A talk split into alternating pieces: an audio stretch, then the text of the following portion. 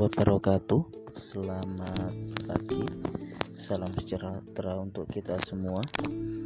Saya uh, merekam podcast ini pada pagi hari Menjelang subuh.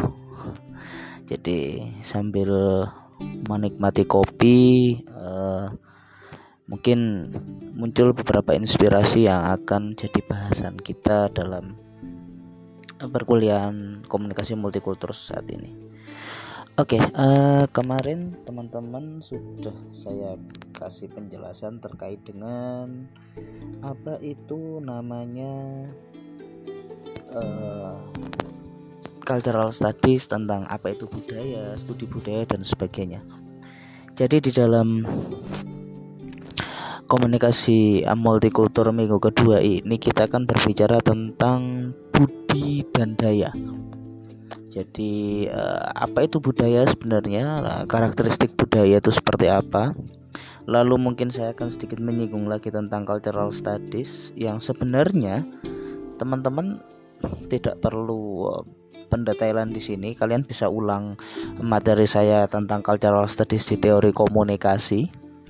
Namun di sini akan ada beberapa penekanan uh, terkait dengan cultural studies sebagai sebuah metode atau cara berpikir untuk mengkonstruksi sesuatu. Kita kan juga berbicara terkait dengan identity sosial, lalu kita akan berbicara tentang stereotype dan uh, rasisme mungkin menarik. Kita akan berbicara soal rasisme dan yang terakhir kita akan berbicara soal etnosentrisme. Oke, okay, uh, Kita langsung masuk saja ke materi yang pertama terkait dengan definisi budaya. Kalau di dalam konsepnya budaya itu terdiri dari dua kata, yakni budi dan daya. Kalau menurut Samovar itu hasil olah cipta, rasa, karsa dan sebagainya. Jadi nggak hanya berbentuk wujud ya budaya itu, nggak hanya berbentuk tingkah laku, termasuk juga bangunan dan sebagainya itulah produk-produk budaya jadi kalau teman-teman selalu saya konseptualisasikan uh, berhijab dengan memakai kerudung itu berbeda. Artinya adalah ber, uh, beragama dan beragama dan berbudaya adalah sebuah konsep yang sebenarnya harus berjalan beriringan perintah agama itu kan kita menutup aurat. Nah, tetapi caranya macam-macam. Ada yang pakai hijab, ada yang pakai mukenah, ada yang pakai uh, tudung ala ala orang-orang di India dan sebagainya. Itu jadi kalau misalnya ada orang tidak memakai kerudung terus kita salahkan ya salah karena tidak ada perintah dalam Al-Qur'an untuk memakai kerudung. Kerudung itu produk budaya dan perintah agama itu berhijab. Nah, meskipun kontekstualisasinya agama bisa menjadi produk budaya juga. Namun di sini hal semacam itu yang terkadang menjadi perdebatan bahwasanya ketika memang budaya itu terbentuk dengan konstruk yang demikian, berarti kita tidak bisa menyalahkan atau eh, menghakimi cara pandang orang terhadap budaya. Contoh eh, Prajapati Daksha, orang-orang di India eh, menyebut Prajapati Daksha adalah seorang yang sangat alim seorang yang dipercaya sebagai titisan Tuhan, seorang yang dipercaya sebagai putra Dewa Brahma. Padahal secara konseptual Praja Prajapati Daksha itu di agama kita juga sama ada. Jadi Prajapati Daksha itu kepalanya dipotong oleh Dewa Siwa menjadi kepala kambing. Nah, kan Brahma itu kan dari kata-kata Ibrahim. Nah, jangan-jangan Prajapati Daksha itu Ismail karena ceritanya juga dipotong dengan kepala kambing. Jangan-jangan di seluruh dunia ini perbedaan uh, agama hanya sekedar problem interpretasi budaya saja. Nah, pertanyaan-pertanyaan besar yang mungkin kita bisa jawab di komunikasi multikultur ini. Nah, kalau menurut Prof. Deddy Mulyana, budaya itu adalah cara manusia untuk hidup. Nah, maka budaya memiliki karakteristik. Karakteristik budaya itu memiliki tatanan pengetahuan, pengalaman, kepercayaan, jad, eh, sikap, makna, hierarki agama, waktu, objek, eh, peranan, hubungan ruang, objek-objek materi dan juga milik. Eh, artinya produk-produk budaya, karakteristik sesuatu yang bisa disebut budaya itu macamnya banyak sekali. Termasuk budaya pop saat ini, nah, di mana Korean Wave, uh, Bollywood, Hollywood itu menjadi budaya tersendiri. Nah, ketika teman-teman uh, kemarin berbicara soal belajar tentang cultural studies, saya yakin teman-teman tidak asing dengan tujuh tradisi komunikasi itu. Uh, salah satunya masuk critical dan uh, socio-cultural. Uh, teman-teman bisa ulang lagi materi saya tentang ini, tentang cultural studies ini. Intinya adalah ketika kita membicarakan cultural studies cultural studies itu lebih ke bagaimana budaya eh, kekuasaan membentuk suatu budaya atau uh, budaya itu dikendalikan oleh kekuasaan lebih ke konstruk-konstruk seperti itu intinya cultural studies itu secara penekanan dalam studi komunikasi multikultur adalah berbagai pendekatan yang digunakan melalui metode dan teori dalam kombinasi yang mampu menjelaskan realitas sosial kontemporer. Uh, teman-teman mungkin sekarang tanpa disadari kita dalam budaya masyarakat digital itu sudah tidak mengenal lagi asas ruang dan waktu sopan santun misalnya. Terkadang mahasiswa atau uh, rekan kerja mungkin pukul 12 malam pada saya saya di di di malam hari tadi masih menerima eh, WhatsApp pukul 12 malam dari kolega kerja. Itu menurut saya kalau misalnya itu untuk urusan hal di luar urusan pekerjaan tidak ada masalah tapi di luar itu sebenarnya menjadi problem juga jadi karena memang sudah tidak ada lagi batas ruang dan waktu benar-benar manusia tuh uh, di era eh, digital ini bekerja 24 jam artinya budaya budaya sopan santun mungkin bergeser Nah, itu menjadi menjadi menjadi bahan kajian bersama. Saya bukan menjadi orang yang bermasalah dengan hal itu, tidak. Tetapi kita punya punya punya punya bahan diskursus baru untuk ya udah kita bicarakan saja bagaimana apakah ini per, perlu dipertajam, uh, apa ini perlu dikembangkan lagi dengan berbagai macam perspektif yang ada. Nah, selain uh, kita membicarakan cultural studies kajian budaya itu juga mengacu soal identity sosial. Identity sosial itu mengacu pada definisi diri sendiri dan hubungannya dengan orang lain. Artinya saya selalu membawa karakter saya sebagai orang Jawa Timur ketika berinteraksi dengan masyarakat apa pun, entah masyarakat di luar Jawa Timur, masyarakat Jawa Timur itu sendiri, bahkan masyarakat internasional. Logat saya tidak akan pernah saya ubah baik dalam uh, komunikasi berbahasa Indonesia, berbahasa Inggris maupun uh, berbahasa bahasa lain saya masih tetap menggunakan istilah-istilah yang mungkin uh, too much apa ya? Kalau bahasa bahasa bahasa anak muda sekarang itu too much difficult to understand. Jadi susah sekali untuk dipahami masyarakat Jawa Tengah mungkin. Contoh kata mari nah mari. Kalau di Jawa Tengah itu kan artinya adalah orang uh, sembuh.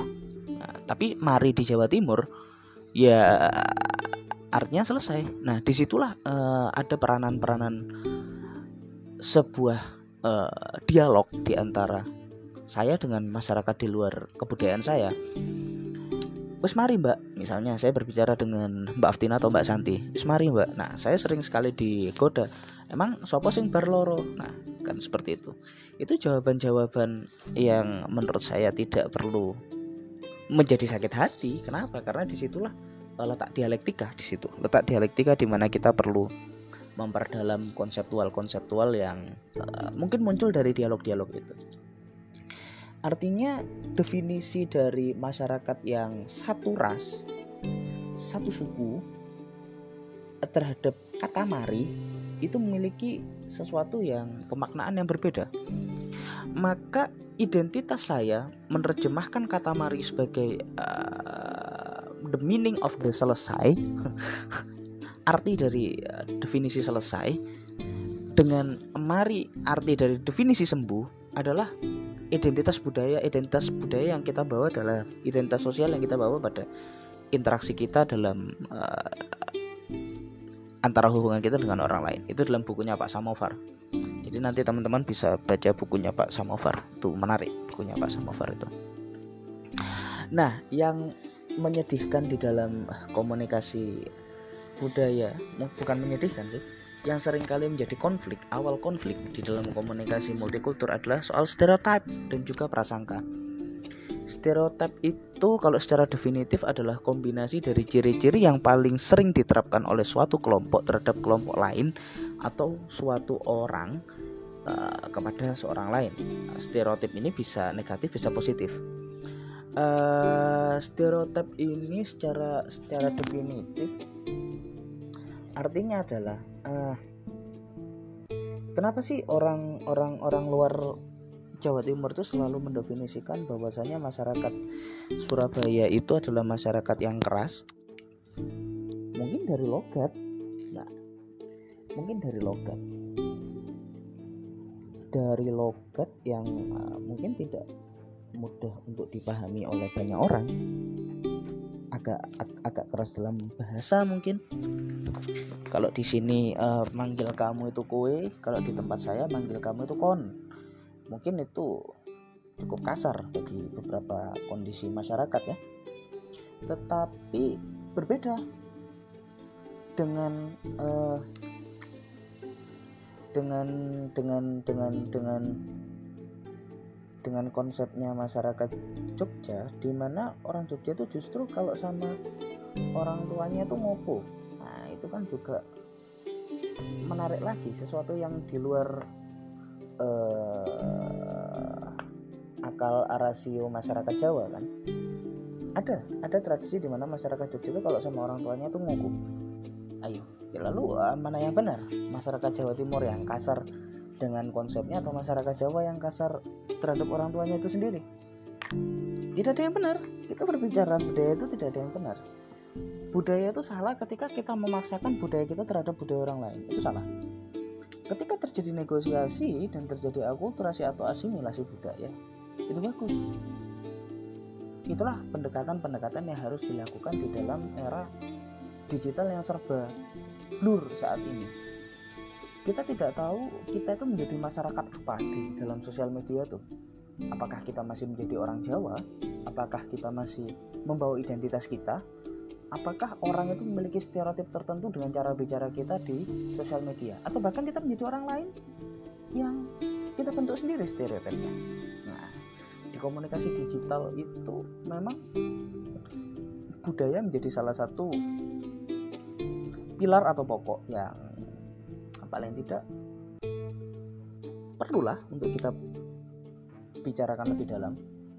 Jadi stereotip itu stereotip negatif ketika cara pandang itu berseberangan dengan mindset atau framework kita. Ya contohnya kalau saya lah saya orang Jawa Timur yang terbiasa ceplos-ceplos, lugas dan sebagainya mungkin agak geli juga dengan uh, culture orang uh, Jawa Tengah dan juga Jogja yang suka ngomong di belakang tetapi tidak mau ngomong langsung.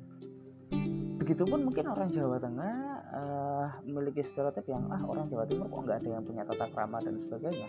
Itu masih satu Jawa. Nah yang paling gampang itulah tak kasih contoh dari saya sendiri. Itu uh, menjadi problem. Nah lalu prasangka. Prasangka itu adalah sikap positif dan negatif berdasarkan keyakinan stereotip kita tentang anggota dari kelompok itu. Jadi stereotip itu ketika masyarakat Jawa Timur distereotipkan kasar, maka prasangka kita adalah prasangka negatif bahwa yakin stereotip kita itu terhadap kelompok masyarakat Jawa Timur itu benar. Nah, itulah konsep prasangka. Dari akibat dari dari akibat ke, ke uh, muncul stereotip dan prasangka negatif inilah muncul rasisme. Kemarin saya sudah berbicara tentang rasisme. Apa bedanya rasisme dengan SARA? Rasisme adalah pandangan terhadap ideologi atau paham yang dianut masyarakat yang menolak atau tidak suka pada golongan masyarakat tertentu berdasarkan rasnya. Nah, ini loh yang paling penting itu, berdasarkan rasnya. Kalau kita berbicara rasisme adalah ras. Jadi kalau hanya bicara rasis eh kalau kalau bicara golongan itu bukan rasis nah kemarin kita sudah berbicara soal itu rasisme atau rasialisme kalau menurut peran adalah pemahaman menolak suatu golongan masyarakat berdasarkan atau berbeda ras rasisme itu diskriminasi karena ras eh, nah ini menjadi doktrin politik kalau menurut Prof. Alo Liliweri ya contohnya Amerika baru eh, berapa puluh presiden bisa dimenangkan oleh orang ras kulit hitam. Ras itu sudah berbeda gen kita sudah tidak lagi berbicara soal suku ras itu. Memang wujud fisiknya yang berbeda.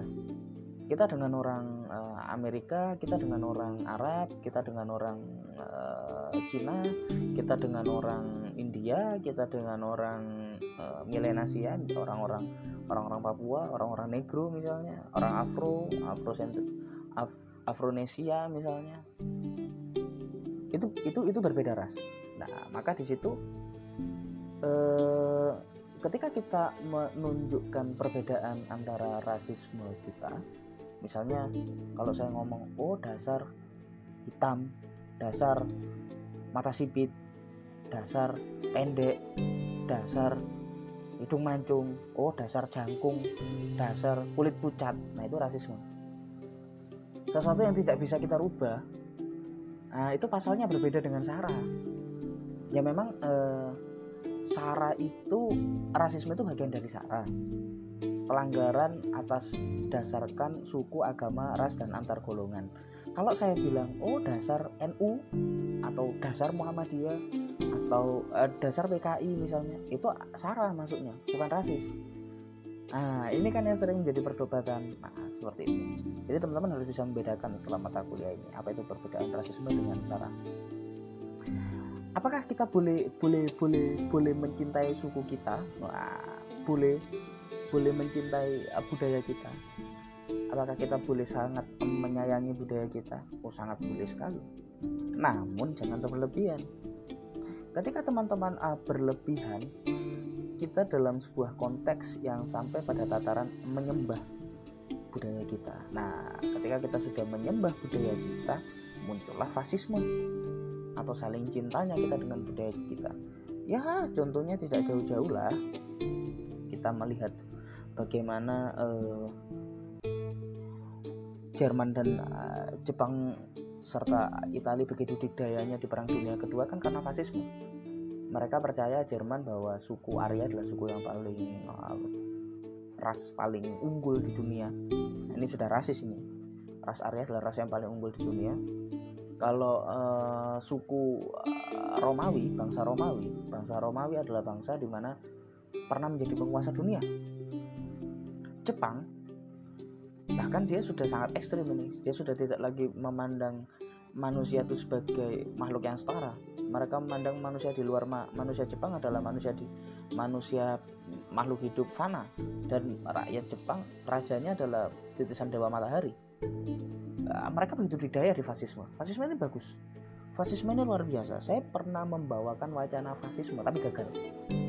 Gagal. Gagal total jadi saya pernah dulu bikin iseng-iseng gitu loh bikin media gitu kan. Media-media nggak jelas media-media anak-anak kiri gitu. Jadi saya bikin wacana fasisme Majapahit.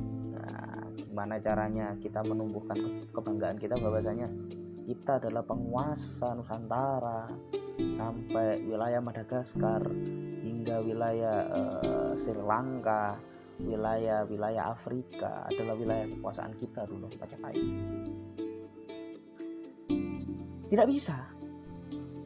Saya diprotes oleh orang-orang Sumatera. Loh, Majapahit itu nggak akan pernah bisa besar sebelum adanya Sriwijaya. Waduh modern orang-orang Malang juga nggak terima bahwa apa Majapahit itu kalau nggak Singosari hancur nggak akan pernah terima nah itulah itu problem sampai sekarang konflik antara persebaya dengan uh, Arema itu juga merupakan konflik antara Majapahit dengan asing Wasari aja sebenarnya. Salah satunya lanjutan aja yang berabad-abad itu nggak akan pernah selesai.